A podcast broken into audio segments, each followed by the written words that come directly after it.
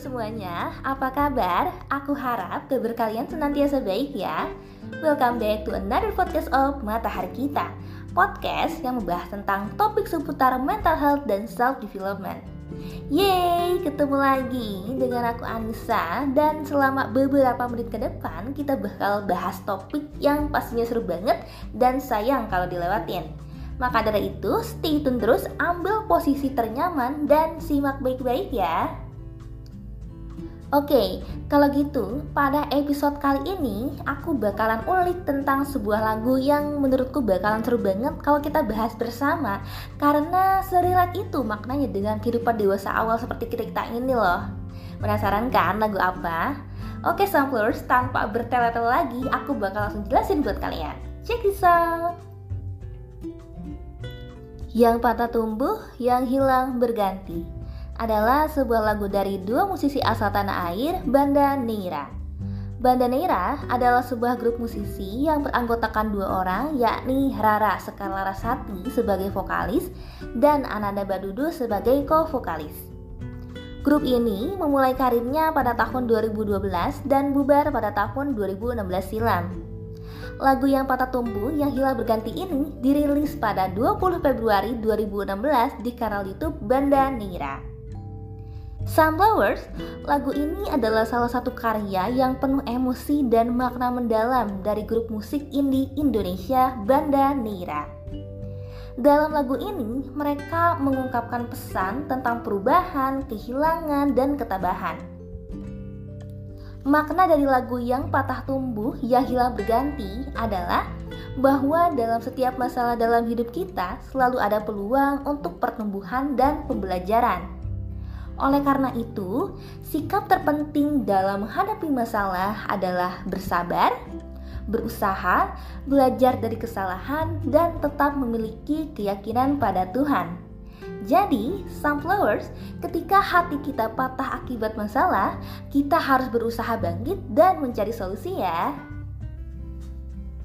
Sunflowers, berbicara soal berusaha dalam kajian ilmu psikologi ada nih istilah yang namanya adversity quotient. Wah, apa tuh?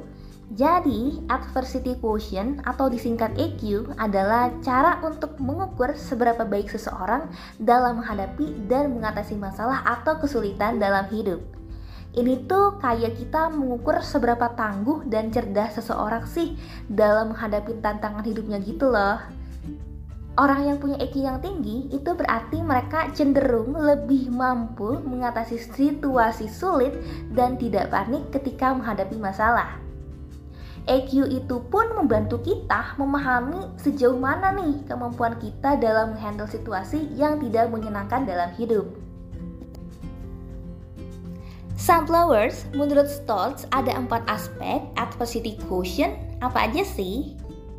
Yang pertama ada kontrol atau kendali, yaitu kemampuan seseorang mengendalikan perasaan terhadap permasalahan yang dihadapi. Pada situasi ini, individu diharapkan mampu merasakan kesulitan yang terjadi serta mengambil seluruh tantangan secara lebih berani dan optimal. Yang kedua, ada origin dan ownership. Origin sendiri berkaitan dengan rasa bersalah. Individu yang memiliki adversity quotient yang rendah cenderung menempatkan rasa bersalah yang tidak semestinya atas peristiwa buruk yang terjadi dapat dikatakan bahwa individu tersebut menempatkan dirinya sebagai satu-satunya penyebab atau asal-usul dari kesulitan yang dialami. Wah, gak boleh gitu ya sunflowers. Yang ketiga ada reach atau jangkauan. Aspek ini mempertanyakan sejauh mana kesulitan akan menjangkau bagian lain dari kehidupan individu. Last but not least ada endurance atau ketahanan ketepatan dan kecepatan seseorang dalam memecahkan masalah, semakin tinggi adversity quotient seseorang, maka dia akan memandang kesuksesan sebagai sesuatu yang bisa bertahan lama. Lalu gimana sih cara buat numbuhin kemampuan adversity quotient kita agar kita bisa membentuk pribadi yang tangguh? Nah, kalau menurut Stoltz, cara buat kita numbuhin EQ bisa disingkat dengan istilah LEAD atau Listen, Explore, Analyze, and Do.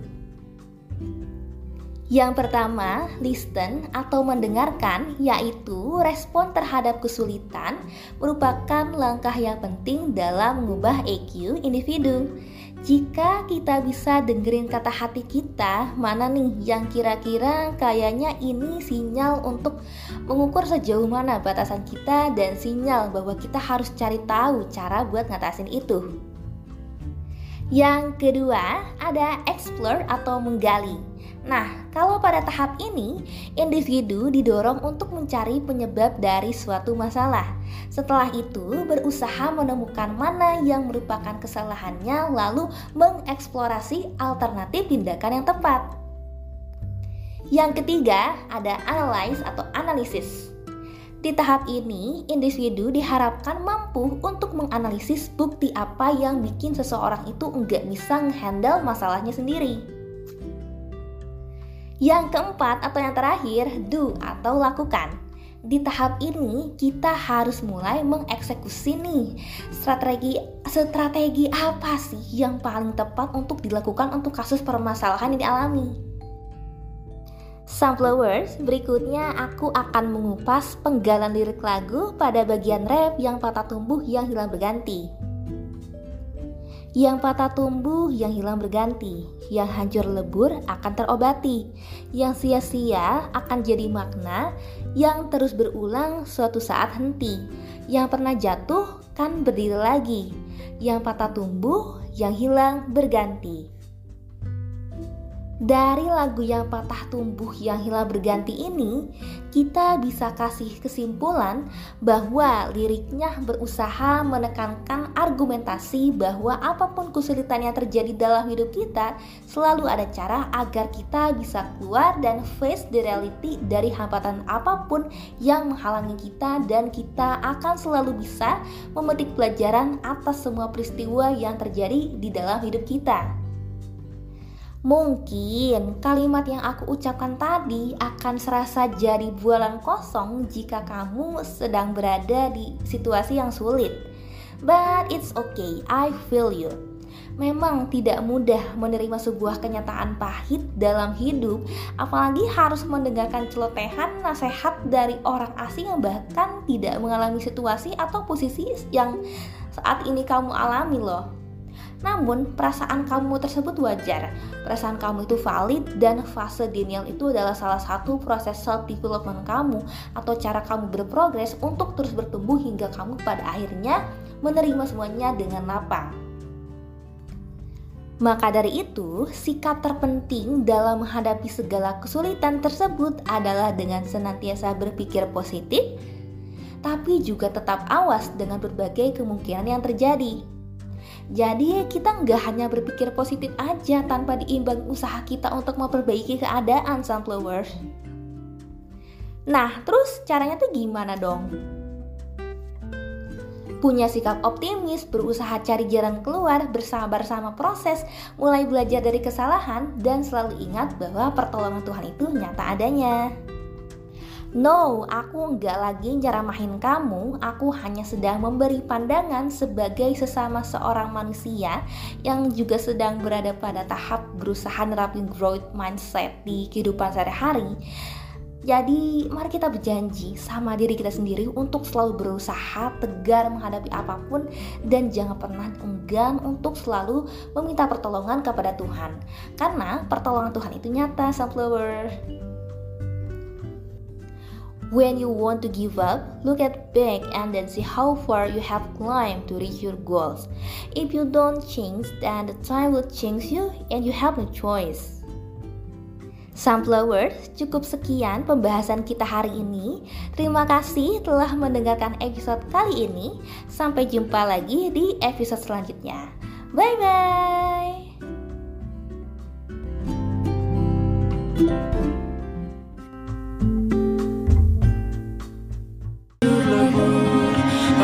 Terobati Yang sia-sia akan jadi makna Yang terus berulang Suatu saat henti Yang pernah jatuh Dan berdiri lagi Yang patah tumbuh Yang hilang berganti. Yang patah tumbuh Yang hilang berganti. Yang hancur lebur terobati Yang sia-sia Akan jadi makna Yang terus berulang Suatu saat henti Yang pernah jatuh Kan berdiri lagi Yang patah tumbuh Yang hilang berganti.